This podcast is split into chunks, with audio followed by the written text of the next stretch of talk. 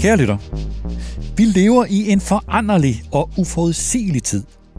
Og hvis der er nogen, der oplever det, så er det de mennesker, der arbejder med forsyningskæder, med supply chain, med transport og med logistik.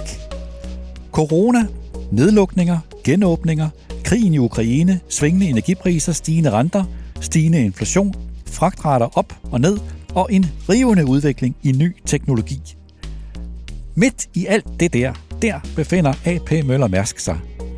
I et voldsomt opbrud og med en stadig relativt ny strategi, hvor man vil tilbyde sine kunder en samlet logistikløsning.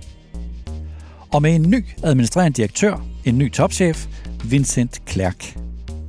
Så, her taler jeg med Vincent Klerk i et forsøg på at blive klogere.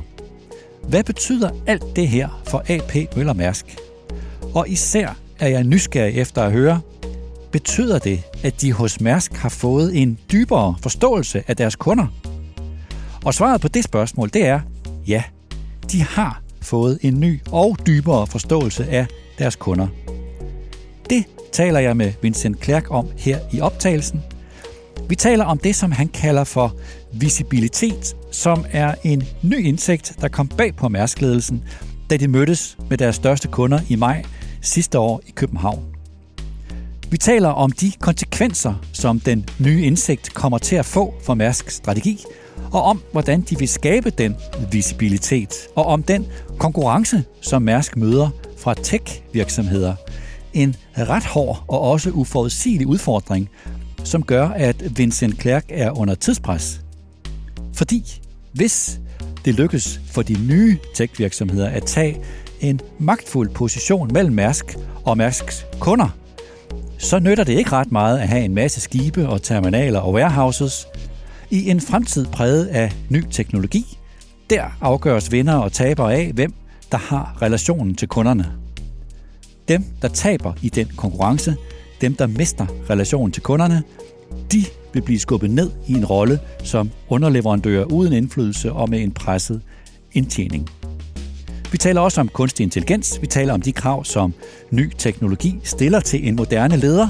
Vi taler om geopolitik, og så taler vi om, hvordan Vincent Clerc ser på den nye ledelsesgruppe, som han netop har skruet sammen i AP Møller Mærsk. Velkommen til Topchefernes Strategi.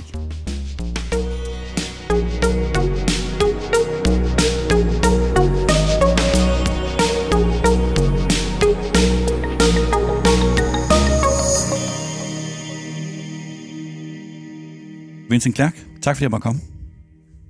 Jamen, uh, tak fordi uh, jeg får den, den lejlighed her.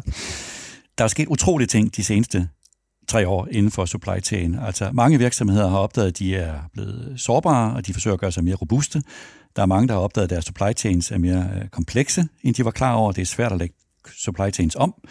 Og også, at supply chain som tema simpelthen er, er løftet op på dagsordenen, og nu er et prioriteret tema for, for den øverste ledelse i en virksomhed.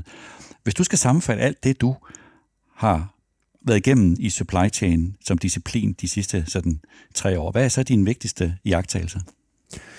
Jamen, øh, jeg tror, den første jagttagelse for, for mig, det er, at øh, vi taler om supply chain, og faktisk det, som vores kunder har opdaget, det er, det er ikke en chain, det er ikke en kæde på den måde. Der er flere led, der ikke connecter særlig godt.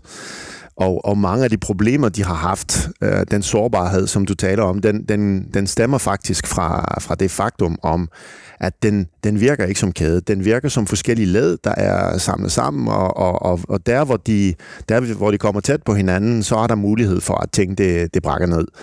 Og det har det gjort rigtig, rigtig tit. Øh, og det, det betyder for dem, at de, skal, de bliver nødt til at gentænke lidt, øh, hvordan øh, det der skal se ud, hvordan er det, de kan forsikre deres forretning øh, mod, at det der, det kan, det kan ske igen. Det virker som om, at mange industrier har jo brugt 15 år, 20 år på at outsource, på at gøre sig meget effektive og skabe nogle meget tynde globale supply chains, som også har været enormt værdiskabende, men som nu også viser sig at være sårbare. Er det kommet bag på alle, hvor sårbare og også komplekse at moderne supply chains egentlig er?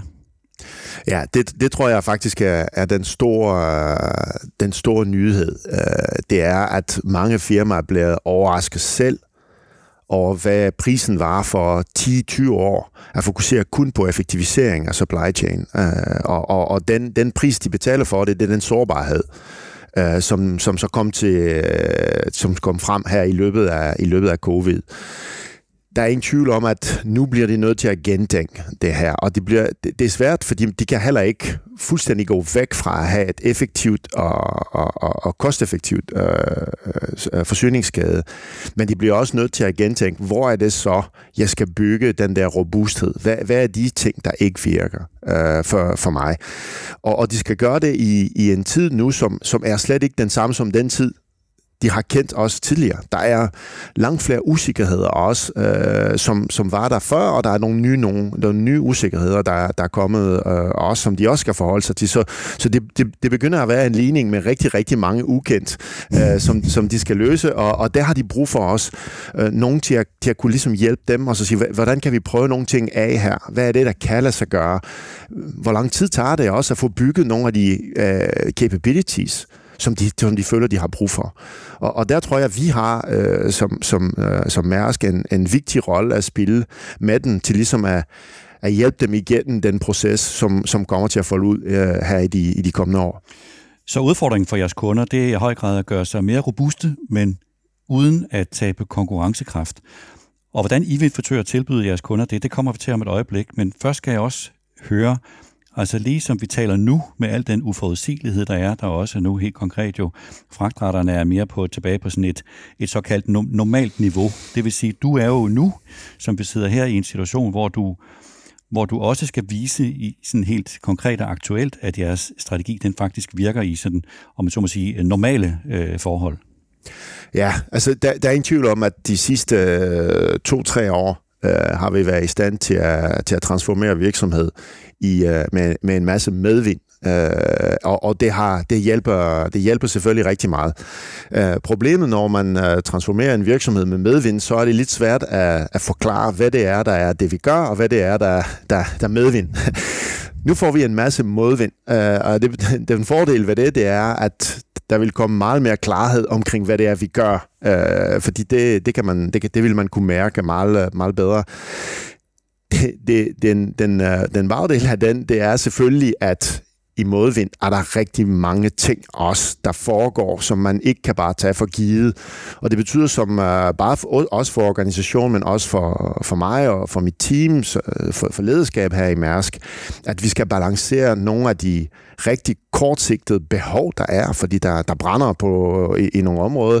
De fragtrater er, er faldet rigtig meget, men de er stadigvæk ikke, på, de er stadigvæk ikke stabile. De har stadigvæk ikke fundet deres, øh, deres nye niveau, og der er rigtig mange usikkerheder stadigvæk omkring, hvordan øh, økonomien kommer til at, til at se ud. Der er nye usikkerheder, så sent som den her uge med en mulig ny finanskrise, eller ej. Øh, så, så alle de der ting skal man, bliver man nødt til at blokke en tackle, og det, det, det kræver en masse opmærksomhed, det kræver en masse energi, og samtidig så skal man blive ved med at udvikle øh, virksomheden. Man skal blive ved med at transformere den forhold og, og leve op til de forventninger, der er fra vores kunder til, at man ikke kun takler de problemer, vi har her og nu, men man bliver ved med at investere i, i langtidsløsninger og langtidsbæredygtighed for, for firmaet.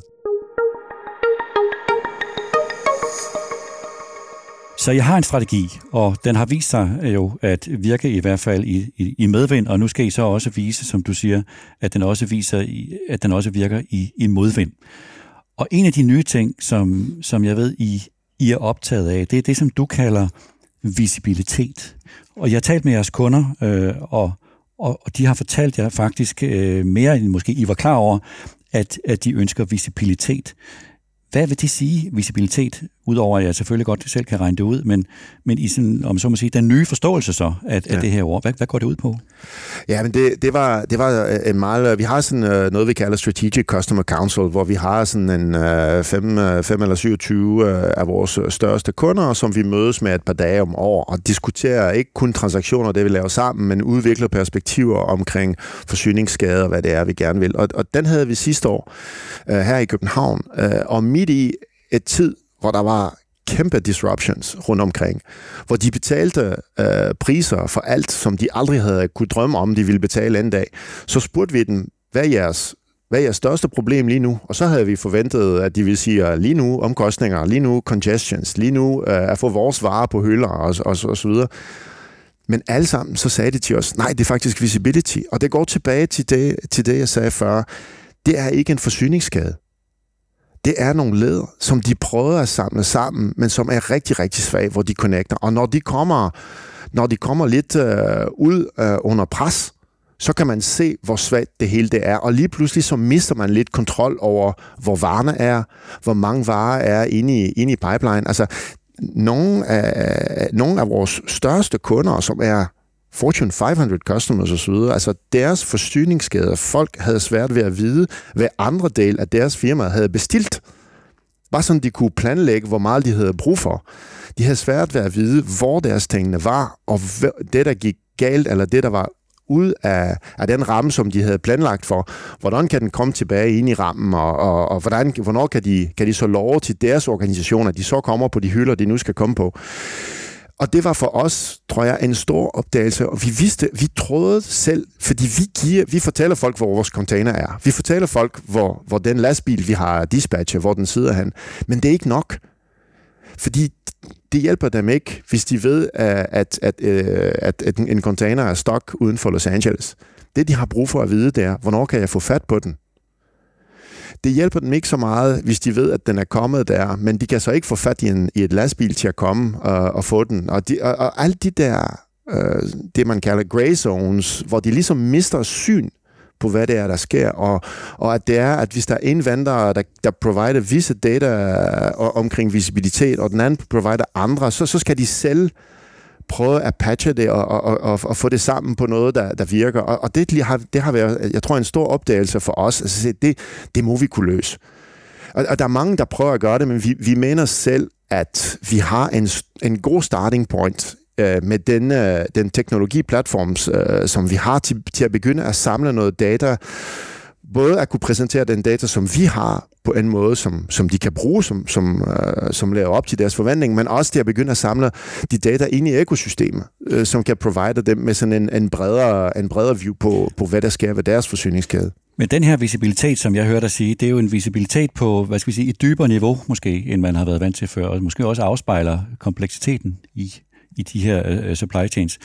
Hvordan kunne det egentlig komme bag på jer? Altså, var I ikke tæt nok på jeres kunder, siden det her kommer bag på jer?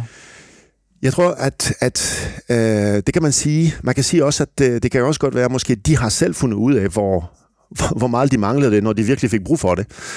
Øh, jeg tror også, en af den fejl måske, som vi har taget, det er, at vi mente selv, vi løste visibilitetsproblem ved at provide øh, vores kunder synlighed med det, vi gør.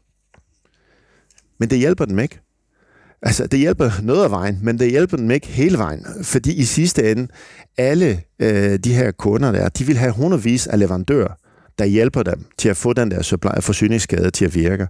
Og, og, og, og, og derfor at kunne samle data på tværs og at se visibilitetsproblem fra kundens behov, i stedet fra, this is what we can do. Det, det, det var noget, tror jeg, der gik op for os, og så sagde vi, vi, vi kigger på problemet, fra Mærsk synspunkt. Vi kigger ikke på problemet fra vores kundens synspunkt. Og hvis vi gør det fra hans synspunkt, så bliver vi nødt til at investere anderledes på, hvordan vi, vi løser problemet.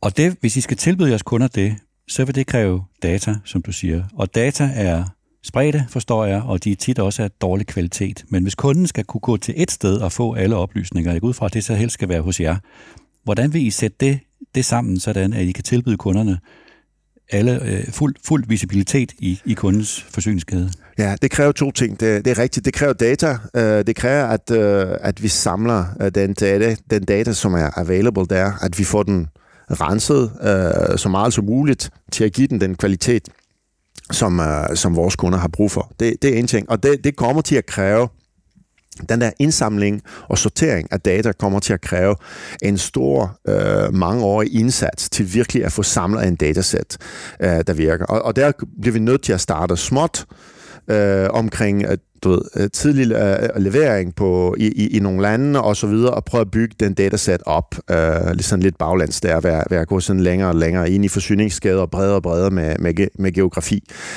Det andet, som det kræver, det er, det kræver faktisk, at man øh, ikke kun giver dem den data. Som sagt, det, det hjælper ikke, hvis de ved, at noget er stok et eller andet sted.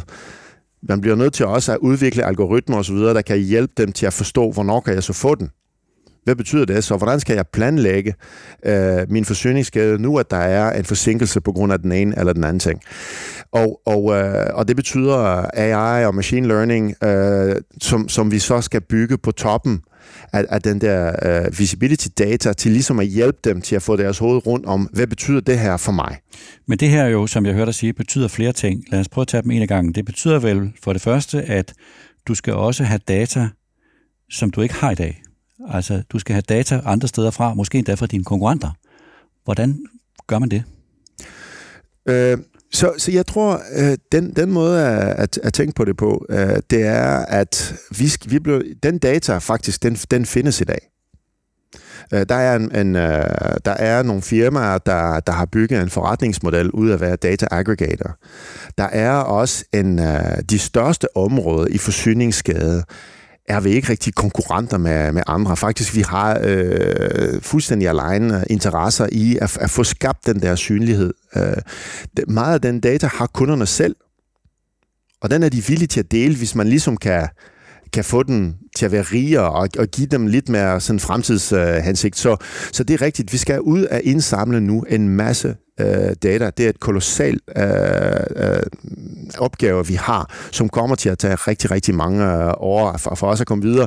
Men, men det, det, som, det, som vi, øh, det, som vi har ligesom sat op til, det er, at vi skal kunne starte med at få nogle minimum viable products øh, i nogle områder til ligesom at verificere, øh, kan vi cleanse den data? Kan vi få den data, som kunderne har brug for? Kan, kan, kan de få den øh, omsat til noget, som skaber værdi for den, og så, så kan man bygge den derfra, og så er der, det bliver sådan en stor rejse for, for os, ja. Og det vil sige, hvis, hvis, hvis, det, hvis det går, som du håber, altså så flere og flere vil bidrage, det vil blive mere og mere, vis, visibiliteten vil, vil blive større, så vil man nå en situation, hvor man faktisk ikke kan stå udenfor og, og holde sin data for sig selv. Altså det, det er sådan et slags bet fra jeres side, mm. at I kan det, måske drive den udvikling. Altså jeg tror, det der er vigtigt øh, at, at forstå, det er, dataen, øh, at holde dataen for sig selv, det, det kan man ikke rigtigt. Altså det, øh, prøv at se for eksempel inden for, inden for shipping, altså der er noget, der hedder vessel tracker, for eksempel, hvor man kan følge alle skib øh, i verden, øh, hvor de er, og hvordan de bevæger sig, og hvad man øh, på skedul, og hvad er uden for skedul, og så videre. Så, så vi har mange øh, speditører, der allerede i dag giver noget synlighed til deres kunder, uden rigtigt at bruge øh, data fra carrier, fordi de er i gang, de kan bygge deres egen dataset. Og, og hvis de kan gøre det, så kan vi også gøre det. Så den data er allerede ud, øh, og det er en kommoditet, som bare ikke er brugt øh, indtil videre, og ikke, har, mm, ikke er blevet samlet på en måde, hvor man kan skabe den værdi, der er behov for. Men hvis det lykkes for jer, jeg kan sagtens se ideen, så tilbyder man kunderne visibilitet, det er værdifuldt for kunderne, men hvis data ligesom er tilgængeligt for alle, så bliver det, som du nævner, en commodity. Og kan, kan man gøre det til en forretning? Så jeg tror, hvis, hvis man tænker på den globale forsyningsskade, det er en 8 trilliarder dollar forretning. Det er kæmpestort. Den forretning, der er i at provide uh, visibility, er en meget, meget, meget lille del øh, af det her. Og derfor for os, det er ikke, visibilitet er ikke en satsning på, det bliver vores fremtidige forretningsmodel. For det, det tror jeg simpelthen ikke øh, er noget, som, som er hverken kernekompetencer for os, eller som er stort nok et marked til, at det vil være relevant for os øh, at tage den. Det, der er vigtigt for os, det er ligesom at kunne omsætte visibilitet til noget, som vi gør. Vores kernekompetence, det er, at vi opererer globale netværker. Øh, øh, og er i stand til ligesom at ikke kun kunne fortælle folk, det er det, hvor din vare er, og det er det, du kunne gøre ved det, men, men også, at vi faktisk hjælper. Og, og det, vores forretning bliver altid i det sidste, at vi kan hjælpe dem. At vi kan gøre noget. At vi kan levere, at vi flytter tingene. Og ud af de der 8 trilliarder dollar, langt, langt de fleste, øh, altså over 99 procent af, af de penge, de, de bruges på at flytte tingene fra et fabrik til en terminal eller til et lufthavn og få den fløjet eller sejlet øh, til destination osv. osv. Så på toppen, forstår jeg det rigtigt, på toppen af den her visibilitet, så vil I tilbyde kunderne løsninger. Ja. Og helst selvfølgelig øh, målrettede løsninger til den enkelte kunde. Og også forudsige. Altså du kalder ja. det predicte, har ja. jeg set. Og hvad ligger der i at forudsige? Så, så det, det vi, øh, den måde, vi tænker på det, det er en, en slags øh, flywheel, øh, kan man sige. Og det er meget, øh, det er meget moderne nu inden for strategiområdet at, at have en flywheel, så det har vi også.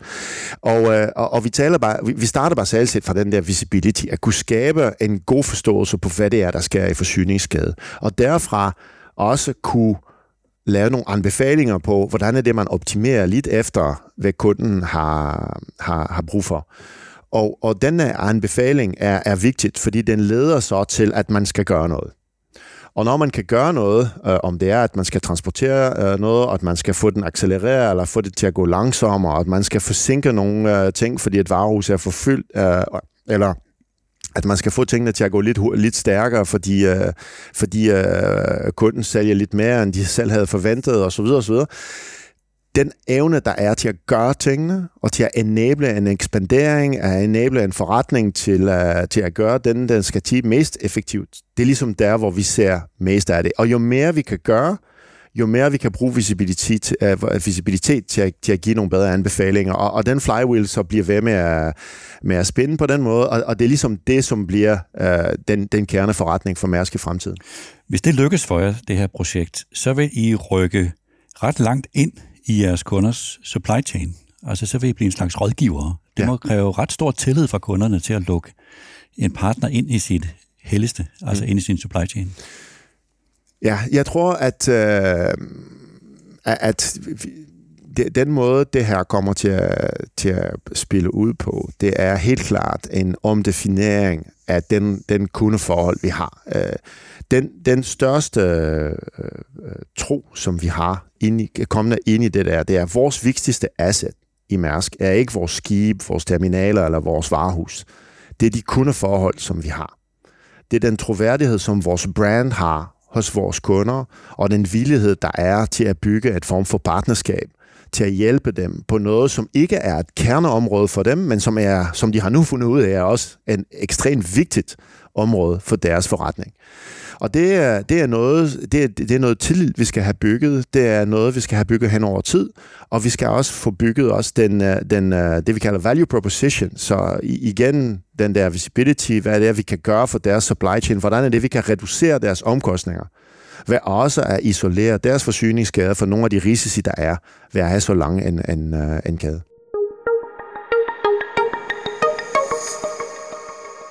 Den ambition, jeg har med at samle data, tilbyde visibilitet på toppen af det, tilbyde løsninger, og gerne løsninger, som også kan bruges til at, at forudsige begivenheder for kunderne.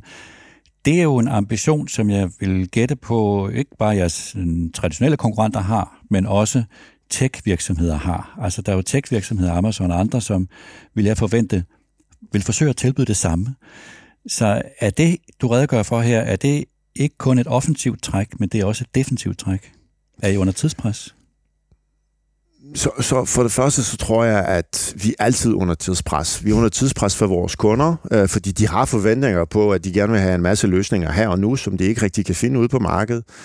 Vi er under øh, tidspres, fordi, øh, som vi talte om i starten, øh, vi, vi, øh, vi kommer ind i en verden, øh, så, hvor der er rigtig meget modvind, øh, og, og øh, hvor vi har brug for ligesom at accelerere den transformation og komme ind i en position, hvor vi ikke bliver så afhængige af udbud og efterspørgsel, som vi, som vi er i dag. Øh, og vi er under tidspres, fordi der er også en masse andre folk, der har ligesom fundet ud af, at den måde, vi har lavet logistik øh, de sidste 20 år, er ikke nødvendigvis den måde, der kommer til at vinde de næste 10, og derfor så, så er der nogle ting, der skal forandre sig. På den, på den måde, så giver det her en, en burning platform for os, som er, som er sund at have. Uh, det, det tvinger os til virkelig at, at være fokuseret, at have momentum og, og, og at træffe nogle, nogle modige beslutninger. Uh, så, så det ser vi som, som en fordel, men ja, det, det er vi, vi er altid under tidspres. Fordi det er klart, I vil jo traditionelt sige, og, og gør det også øh, i, i moderne tid, om jeg så må sige, I har jo mange aktiver, I har jeres skibe, I har jeres warehouses, I har mange hårde assets, og det har vist sig under corona at være en konkurrencefordel, mm. fordi I, det har I kunne bruge til at tilbyde jeres kunder noget, noget sikkerhed. Men jeg gætter på, overfor en tech-virksomhed, som udfordrer jer, så kan man have nok så mange skibe og warehouses osv. Det, det nytter bare ikke ret meget, hvis der kommer en tech-virksomhed og tager jeres kunderelation, altså tager en magtfuld position imellem jer og jeres kunder. Det er vel dybest set det, der er truslen, hvis nu skal bruge det udtryk, for traditionelle virksomheder som Mærsk i forhold til, til tech-virksomheder? Altså, der er ingen tvivl om, og det sagde jeg også lige før, altså for os, det vigtigste aktiv, vi har i Mærsk, det er vores kundeforhold. Der, vores strategi går ud på, det er at få det udbygget til, at vores forretning handler om at skabe så meget værdi til, at kunderne vil have den direkte forhold til Mærsk, og ikke til, til en anden, om det er en speditør eller en tech-firma, øh, at det er også, de, de føler, de får den, den bedste værdi for øh, ved at deal med. Uh, og, og på den måde så er det rigtigt, at uh, det er ikke unikt. Altså, uh, en masse firmaer fra tech har ligesom fundet ud af, at den der visibilitet er en god måde at komme ind i logi- logistik på. Og en øh, masse logistikfirmaer har fundet ud af, at det der med at flytte varer er en god måde at komme ind i logistik på. Det, som vi prøver at gøre, det er at sige, kan vi få de to sammen? Kan vi få uh, capabilities inden for tech, som kan compete med nogle af de tech-virksomheder, der kommer ind i, i spacen. Og kan man, have, kan man få bygget nogle logistikkompetencer, der competer med nogle af de bedste logistikfirmaer, der er, så har man faktisk et ret unikt sammensætning af capabilities, og det er ligesom der, hvor, hvor vi skal vinde. Så I skal finde sådan et krydsfelt, hvor I kan gøre jer selv unikke. Både, ja. både i forhold til traditionelle logistikvirksomheder og i forhold til big tech. Ja. Hvis du skulle sætte nogle ord sådan lidt skarpt på det, hvad er det for nogle, kalder man det, differentiatorer, ja. I skal i skal, I skal, det skal hvile på? Ja, så det, den måde, vi tænker på, det er, at vi starter altid med kunden, og som jeg sagde, den absolut øh, største øh, aktiv, vi har, er vores kundeforhold. Og derfor så vores differentiator, det skal være, at vi bliver nødt til at se vores kunder som partner, og ikke nogen, vi skal squeeze penge fra, når der nu er øh, en flaske halsen et eller andet sted. Øh, og det, det, det er en stor omstilling, øh, og det er, det er en besværlig omstilling at, at lave, men det er ligesom vores første, vores første ting. Den anden, det er vores kernekompetence har været, øh, og har altid været i de sidste 100 år, den der evne til at operere netværker øh, globalt. Øh, og, og at, kunne, at kunne følge vores kunder og den øh, globale handel, hvor den nu går. Det bliver det ved med at være. Det bliver bredere, og det bliver flere netværker, og det bliver færre forskellige produkter, men, men, men, men Mærsk har udviklet sig og, og genopfundet sig flere gange allerede i sin historie, og det, det vil vi gøre igen øh, i forbindelse med det. Den tredje øh, differentiator, som, øh, som vi har, det bliver vores tech. Fordi der er ingen tvivl for mig, at øh, forsyningsskade er lige så meget et dataproblem, som det er en vareproblem. Øh, det er lige så meget en softwareproblem, som det er sådan en hardware-kapacitetsproblem. Og, og uh, humlen, det er at få artikuleret de to sammen på en måde, der virker for kunder. Og, og derfor så er det det. Og, og det, der samler det, der samler det, det er vores team. Det, det er de kompetencer, vi har enige med os. Det er vores kolleger. Og det tror jeg, at you know, vi kan tale meget om automatisering og teknologi og skib, og hvor stor skal de være, og, og, og så videre. Men i sidste ende, vi vil altid skulle rely på nogle talentfulde mennesker og rundt omkring i verden, og her også i, i, i, i hovedkvarter, der, der kan orkestrere det her, og der kan få execute det her, og der kan være tæt på vores kunder og få øh, øh, holde ved lige den, den tillid, der skal til, øh, til at vi kan yde de, de ydelser, vi nu, vi nu vil. Så det er for os det er de fire differentiators, som, vi, som, som vi bygger på. Så et, altså kunderne, et nyt syn på kunderne, hvor man i højere grad gør dem til partnere. To, det med at operere netværker i bredere forstand end hidtil. Tech, et nyt syn på tech og forståelse af tech, og så naturligvis, havde jeg sagt, altså jeres talenter. Det er de fire differentiatorer, som du vil lægge dine investeringer i. Ja. Og hver for sig kan man sige, er der jo andre, der vil sige det samme måske, men jeg går ud fra, at det egentlig unikke i det, det er de fire sammen. Altså det er samspillet mellem ja, de fire. Jeg tror, at ja, det, der er to ting. Den ene, det er den, det er den sammensætning af de fire. Uh, jeg, har, jeg har aldrig mødt et firma, der siger, at uh, vores kolleger ikke er vigtige. Uh, så så det, der, der er mange, der vil kunne genkende. Uh, der er også rigtig mange firmaer, der har ligesom fundet ud af, at uh, tech det er godt at have uh, blandt de ting, man fokuserer på. Jeg tror, der er to ting, der er unikke. Det er den sammensætning, og det er også, hvor hårdt vi kommer til at gå til den, øh, til virkelig at få den øh, udviklet til noget, der, der virkelig er differentierende for, for os og for vores kunder. I de fire, der er jo særligt en, som jeg er sikker på, alle jo sidder nu og klør sig selv i håret over, det er den, det er den med tech. Og vi kunne tale øh, teamvis alene om den. Men der er i hvert fald en ting, som, som jeg gerne vil spørge dig om. Alle taler jo om kunstig intelligens i øjeblikket. Mm. Kunstig intelligens for dig, er det i store gåseøjne bare et nyt værktøj, som man kan bruge, eller er kunstig intelligens et helt nyt mindset, som ændrer øh, den måde, vi skal tænke for vores forretning på og tænke vores øh, strategi på. Jeg spørger åbent, fordi ja. jeg simpelthen, øh, når, jeg, når jeg kigger rundt omkring, så er det svært at finde ud af, hvad folk egentlig ser på det. Altså, jeg, jeg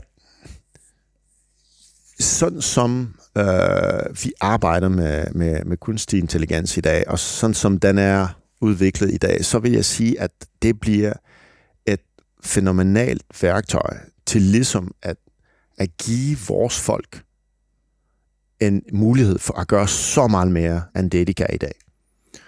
Så jeg, jeg kan give et godt eksempel. Vi bruger kunstig intelligens nu for eksempel til at hjælpe vores koder i tech til at finde de rigtige koder og reuse så meget som muligt af den kode. Hvis du har for eksempel, øh, hvordan er det, man koder øh, et skibsnavn i, i et system?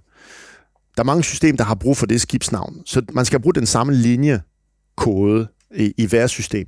Og nu har vi så kunstig intelligens, der ligesom selv populater de her ting, og det gør, at vores, vores koder genbruger alt det, der blev kodet en gang, og det betyder så, at de kan være meget mere produktive. De kan udvikle kode og applikationer faster, end de kunne før.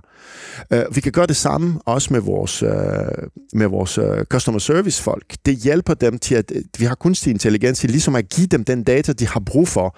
Mens de lytter i telefon til en kunde, der har et problem, så, så, så lytter kunstig intelligens også og giver dem den data, de har brug for til at kunne løse problemet for, for kunden det, det er nogle, ting, nogle af de der ting, som vi, som vi piloter i dag, der viser, at det er ikke til at replace folk, men det er virkelig til at, at multiplicere den, den evne, det, de har til at lave deres arbejde. Og, og det, det synes jeg er, er super, super spændende. Det er også et relativt nyt felt, så hvordan den udvikler sig, og hvor den går hen, det er selvfølgelig noget, man skal følge, man skal følge nøje på. Men, men indtil videre i hvert fald, jeg synes, det er virkelig, virkelig exciting at se de muligheder, det åbner for vores kunder og for vores kolleger. Ja, for en ting, det er det, du fortæller om her, det er jo at se øh, kunstig intelligens som et værktøj, som kan gøre fantastiske ting.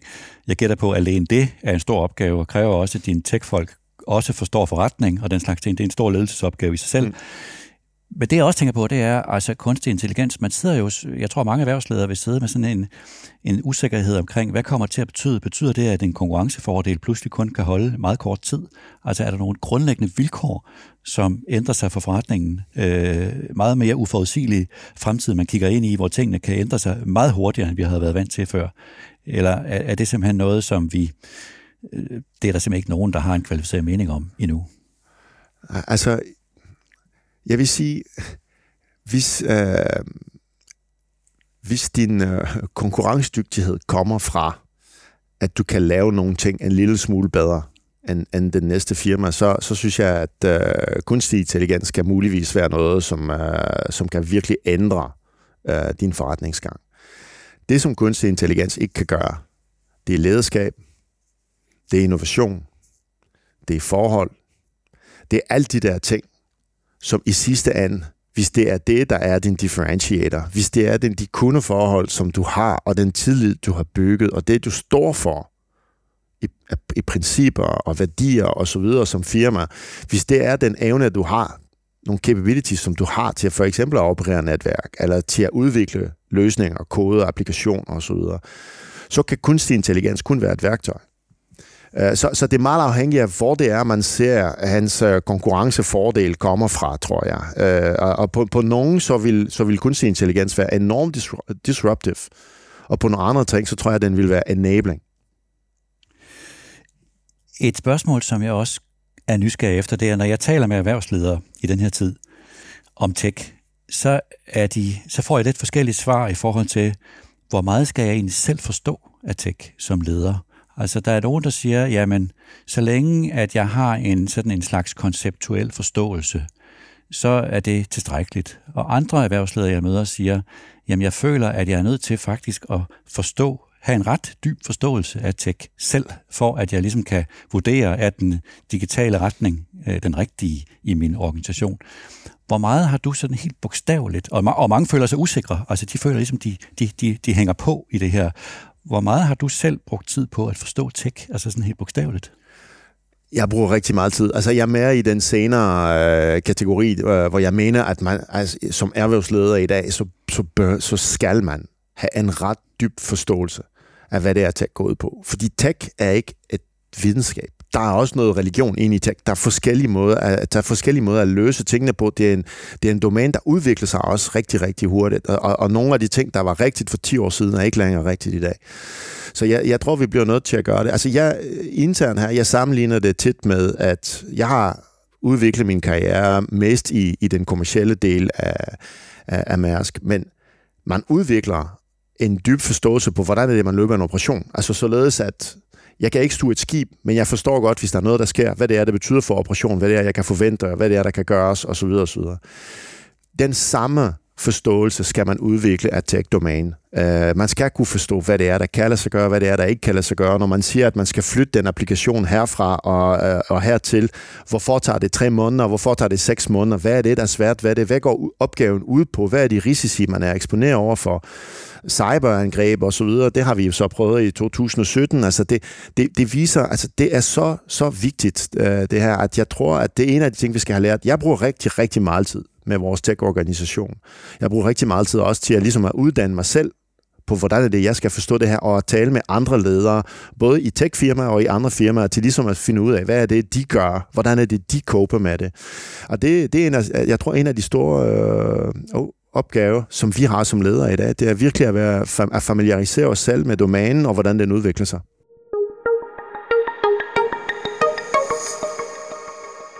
Et stort selvstændigt tema i den her tid, det er jo det, man under overskriften kalder geopolitik. Øh, der sker jo rigtig meget i geopolitik. Verden er blevet mere uforudsigelig. Vi har en krig i Ukraine, og der sker andre ting, der er også på det store globale plan. Plan spændinger mellem USA og Kina. Alt det der. Og alle taler om robusthed og om China plus one, om at være tættere på kunderne, og mere regionale supply chains. Hele det her geopolitiske, hvad skal vi sige, mindset, der begynder at åbne sig, er det en trussel for jer, eller er det en mulighed for jer? Begge del. Begge del. Det, det er måske den, øh, det, det er sandsynligvis det rigtige svar. Øh, der er ingen tvivl om, at hvis man kigger på øh, øh, det, der, det, der er sket i Ukraine øh, med, med, med invasion og krigen, det er en trussel. Altså hver gang verden lukker sig selv, er, er det ikke en god ting globalt, altså ikke, ikke, ikke kun for, for, for Ukraine, men, men globalt er det ikke en god ting. Vi tror på et åben verden, hvor, hvor folk kan handle fredeligt og, og, og, og så videre. Så, så det er selvfølgelig en udfordring for, for, for os. Det der er også, det er dog, at det er der for mange af vores kunder en ny niveau af kompleksitet som de skal lige pludselig navigere, og som de ikke nødvendigvis er parat øh, for. Og det, den kompleksitet, det betyder også, at der er mere værdi, vi kan, vi kan tillægge vores kunder. Det gør vores opgave vigtigere øh, for vores kunder, hvis vi kan gøre det godt, og hvis vi kan gøre det rigtigt. Og på den måde, så er det også øh, på lang sigt en, en, en, en, en opportunity for os til, uh, til, at, til at spille en, en vigtigere rolle for, for vores kunder. Så, så jeg tror, hvis man tager lidt på den korte bane i hvert fald, det, det kan have øh, et ret disruptive impact, det kan have noget negative virkninger. På længere sigt, jeg vil sige, at jo mere kompliceret forsyningskæde er, jo mere der er brug for folk, der virkelig er dygtige til at hjælpe øh, de firmaer, der skal navigere den, den forsyningskæde. Og, og det betyder så, at det gør kun vores, øh, vores opgave vigtigere. Ja, jeg forstår godt, hvis, hvis forsyningskæderne bliver lagt om, hvis de bliver mere regionale eller omfattet af begrænsninger, så bliver de mere komplekse, og det er alt andet lige til gavn for jer, fordi så kan I hjælpe dem endnu mere, kan man sige. Men man ser også i den her tid, at der begynder at opstå ikke bare et, men to synspunkter på det her, når det gælder erhvervslivet. Altså det, det klassiske sådan kommercielle synspunkt, lad os nu bare sige det i forhold til Kina, øh, det er, at jamen, Kina er så stor en, en økonomi, verdens næststørste økonomi. Der er ikke nogen diskussion. Dansk og internationalt erhvervsliv er simpelthen nødt til at være til stede i Kina. Måske med nogle begrænsninger, ja vel, men vi er nødt til at være til stede. Sådan tænker stort set alle i erhvervslivet. Stillet over for det er der, hvad vi kunne kalde et geopolitisk synspunkt, som, som i hvert fald opinionsdannere i politik begynder mere og mere at tale om, at det her, det er geopolitik, det er så uforudsigeligt, og det er så alvorligt nu, øh, specielt jo USA, Kina, at det mangler erhvervslivet måske en forståelse for, hvor stort udfaldsrummet egentlig er nu, og hvor stor risiciene er nu. Så selvom det her på kort sigt kan blive en fordel for jer, det kan jeg sagtens se, er du så ikke bekymret på lidt længere sigt, hvad det her det kan føre til? Jeg er selvfølgelig meget bekymret øh, for den uforudsigelighed, der er, og de risici, som, øh, som vi taler om. Vi skal også passe på, at det ikke bliver et selvopfyldende øh, ting med, at man proaktivt de kobler sig øh, fra Kina, og så, øh, og så synes bagefter, at de har et ret aggressivt tilstand øh, til resten af verden. Altså, jeg, jeg tror, at, øh, hvor, den, den måde at, at tænke på det på, det er ligesom, at vi bliver nødt til at prøve at få afdæmpet nogle af de der tensioner og, og, og bygge øh, fredelige relationer, finde nogle, nogle, nogle områder, nogle platforms, hvor vi har lignende interesser. Altså energiomstilling, øh, klima og så videre, er noget, hvor vi ikke bare kan, kan bestemme, at øh, vi vil ikke tale med folk. Altså der, der er en række ting, hvor vi kan stadigvæk bygge noget tillid, og vi kan bygge nogle ting sammen, og vi må håbe på, at der er nok af den til, at over tid, så så vinder det, eller så er det stærkt nok til, at de ting, hvor vi ikke kan være enige, at det ikke får det hele til at spinde ud af kontrol og, og, og skære verden i to. Så det, det, det er den første ting. Det andet det er, vi skal selvfølgelig også have nogle, nogle planer for, hvad er det så, vi skal gøre, hvis det værste skulle ske. Og det, øh, det, det tror jeg er ligesom, den der med scenarieplanlægning, tror jeg er det, er det vigtigste. Jeg, jeg, mener, jeg mener ikke, at man, at man burde øh, lukke sig selv ud af Kina øh, på nuværende tidspunkt. For det første, så er det et utrolig vigtigt marked, det er et utrolig vigtigt økonomi, og der er også rigtig, rigtig mange ting, hvor vi er begge to uafhængige af hinanden, og, og, og det vil ikke servicere hverken Kina eller os øh, at gøre det. Men vi skal selvfølgelig være parat til, at det er ikke alting, der udvikler sig lineært og forudsigeligt, og derfor så, så skal man have nogle planer på, hvad, hvad gør vi så, hvis det værste, hvis det værste skulle ske?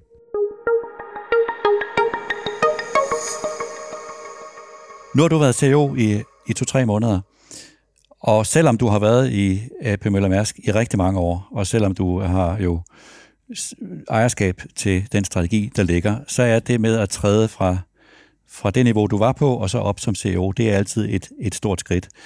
Hvad har du sådan, hvad har været den for, forløbige personlige lære af det øh, skridt, du har taget? Ja, jeg, jeg, jeg synes, jeg synes, jeg har altid øh, følt et meget, meget stærkt ansvar og ejerskab over for det, jeg skal levere. Men jeg vil sige, at når man sidder der, hvor, hvor jeg sidder nu, øh, det er amplificeret meget mere, end, end, end man regner. Så, så den, den pres og den ansvar, der er, specielt når man kommer ind i de der tider der, som er så uforudsigelige med, med rigtig meget modvind og så videre, øh, den, den føler man øh, bestemt øh, på, på, en, på en rigtig stærk måde, og det, det giver... Øh, det giver mulighed for, altså det er vigtigt i hvert fald, at, at skabe den tid, man har brug for til at kunne reflektere og sikre sig, at man ikke bliver enten sådan lidt swept away af det her og nu, og man bliver heller ikke så disconnected og tænker så meget på det langsigt, at øh, man fuldstændig taber tråden på det, der sker her og nu. Så den der balance øh, og, og den, øh, den ansvar, der er i at træffe den der rigtige balance, den, øh, den vejer tungt. Hvordan sørger du for at have tid til at at tænke sig om. Altså, fordi der er mange, der vil ind i din kalender. Den, den kunne blive fyldt, hvis ikke du selv forhindrer det. Ja. Lægger du tid ind i din kalender, eller hvor har du et rum til at sidde og tænke lidt over tingene, og, og få tid til at reflektere? Ja, altså ja, tidsmanagement, det er helt klart, øh, tror jeg, det er noget af det vigtigste, man, man lærer. Så, som du siger, det, det er nemt at føle sig engageret i alle mulige ting. Øh, det jeg tænker på, det er, jeg prøver at være super skarp omkring, hvad det er, der kommer til at gøre en forskel her. Og så øh, at sige, at hvis ikke jeg kan se, hvordan det linker op til det, så vil jeg bare ikke bruge særlig meget tid på det. Øh, så, så, så det, man bliver nødt ligesom til at, til at blive enige med, øh, i, i det her tilfælde med min assistent om, at der er en masse ting, du skal sige nej til, fordi jeg bliver nødt til at have det overskud til at kunne tænke på nogle af de der ting, som, som, vi, som vi facer nu. Fordi det kan godt være, at man bliver lidt upopulær, fordi man siger nej til, til en masse ting og en masse folk. Men i sidste ende, hvis ikke det lykkes os men det, der er vildt centralt og vigtigt for vores strategi og for vores firma, så har jeg ikke gjort nogen en tjeneste. Øh, så, så det er virkelig at, at få holdt øh, den, den, tids, øh, den tidsmanagement, der, den tidspres, der er, at prøve at få den holdt øh, væk, så man skaber lidt den... Øh, det rum, man har brug for til virkelig at kunne tænke på øh, og tage lidt afstand på, på, på øh, de ting, der brænder. Du har en organisation, som er stor. Der har været en kolossal udskiftning i de senere år i AP Møller Mærsk. Og du har jo en, du har en meget divers øh, medarbejderskare. Jeg vil jo forvente, at en af de absolut vigtigste opgaver for dig, det er at kommunikere strategien til alle de her mennesker på en måde, så virkelig, uanset hvor de sidder inde i verden, kultur, tidszoner osv., forstår den. Ja. Hvordan gør du det? Fordi jeg møder mange af dine kollegaer i andre øh, store virksomheder, som, som tumler med det, og som siger, at den her, for eksempel, at den her diversitet gør, der er klare rammer for, hvad man kan fortælle. Altså den her kommunikation er vigtigere end nogensinde, at den bliver sådan, at alle føler ejerskab til det, alle kan være alignet i det. Jeg vil forvente, at det må være faktisk en af de vigtigste øh, opgaver. Ja, man, man kan ikke, øh, når vi er der, hvor vi er nu, med en marked, der vender på, på en tallerken, og en strategi, som er ret kompliceret at execute, og så bred og divers en organisation, som vi har, så kan man ikke kommunikere for meget. Så øh, man skal udvikle øh, en god modstandskraft øh, til at blive ved med at gøre det, og gentage sig selv, og gentage sig selv, og gentage sig selv, så den der besked, den synker øh, lidt, og det, det er noget, som man er aldrig rigtig færdig med. Det er også vigtigt at komme ud. Det er vigtigt at komme ud og lytte. Ikke kun kommunikere, altså hvad det er, man gerne vil have, men at, kunne, at gå ud og lytte nogle gange. Ude i landene, hvad er det, de forstår? Og man kan godt blive frustreret en gang imellem, når man synes, at de har måske ikke helt forstået det, man øh, selv havde tænkt, øh, det, de skulle. Men det, det er bare en vigtig øh, data point også, til ligesom at kunne forstå, hvad er det, jeg skal, jeg skal gøre lidt anderledes, således at det der, det, det kommer bedre og bedre og bedre. Altså efter øh, to år øh, med, med medvind, der er helt klart nu, at tingene har ændret sig så hurtigt. Det er vigtigt, at folk forstår, at vi kommer ind i en ny sæson at folk forstår, at fokus bliver lidt anderledes.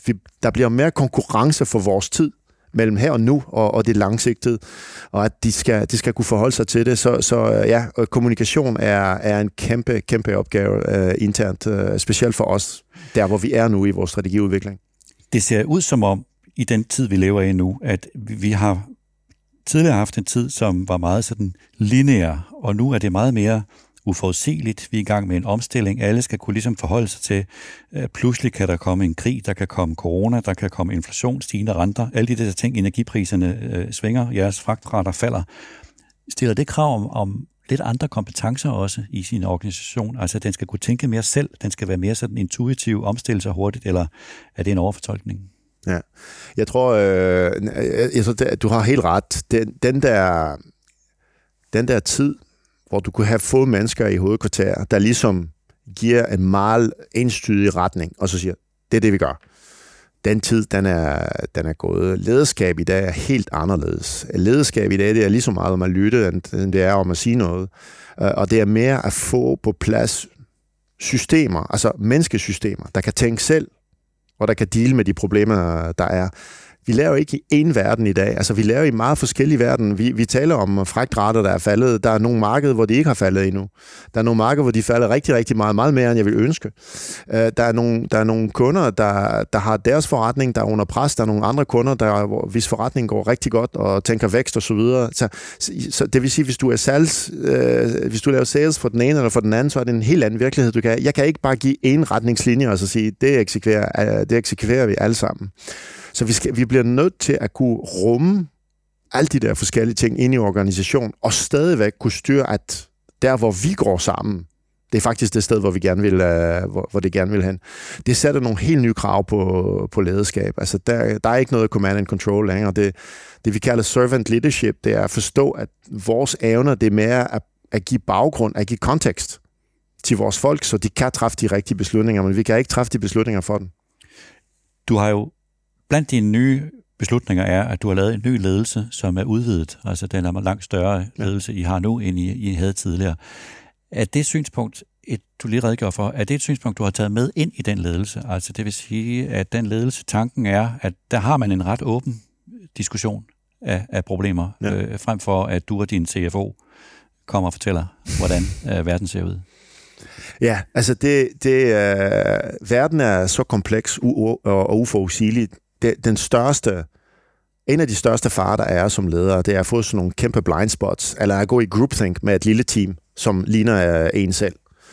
Øh, så det, der var meget vigtigt for mig, det var at, at, øh, at tage en række synspunkter ind, der kommer fra vidt forskellige baggrund, og, og være sikker på, at på de strategiske emner, hvor der skal virkelig, hvor vi skal have en, en, en sund diskussion, at vi ikke går alt for hurtigt i groupthink, og så føler godt, fordi vi træffer beslutninger hurtigt.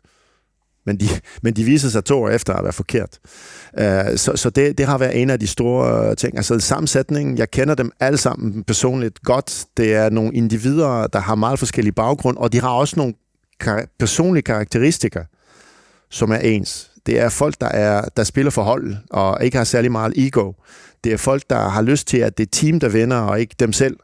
Øh, der forstår, at det er man skal vinde mesterskab. Det, det taler ikke, hvis du scorer rigtig mange gode øh, øh, kasser, og så, øh, og så taber, og så taber øh, til sidst.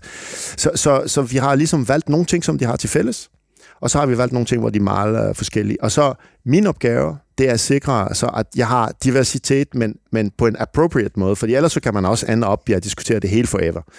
Uh, og det, det, det, det kan være paralyserende. Så jeg skal selv sætte de rammer på, og så sige, okay, nu, øh, nu har vi fået ligesom de synspunkter. Øh, og så det der med, at de har de karakteristika med, at det er hold, der, der taler. Der kommer et tidspunkt, hvor vi siger, okay, nu træffer vi beslutningen. Om det var dit synspunkt eller ej, det er sådan set ligegyldigt. Nu støtter vi op omkring det. Øh, og, og det er ligesom det, der, jeg, jeg, jeg tror, der, der, der er humlen i det der, det er at få den, de rigtige personligheder, at få den rigtige ramme, det er som min opgave, og så at sikre sig også, at så når man træffer en beslutning, så er det ikke længere, den var jeg uenig i, fordi det, det kan jeg ikke bruge til noget. Super, Vincent Klerk. Tusind tak, fordi jeg måtte komme. Selv tak.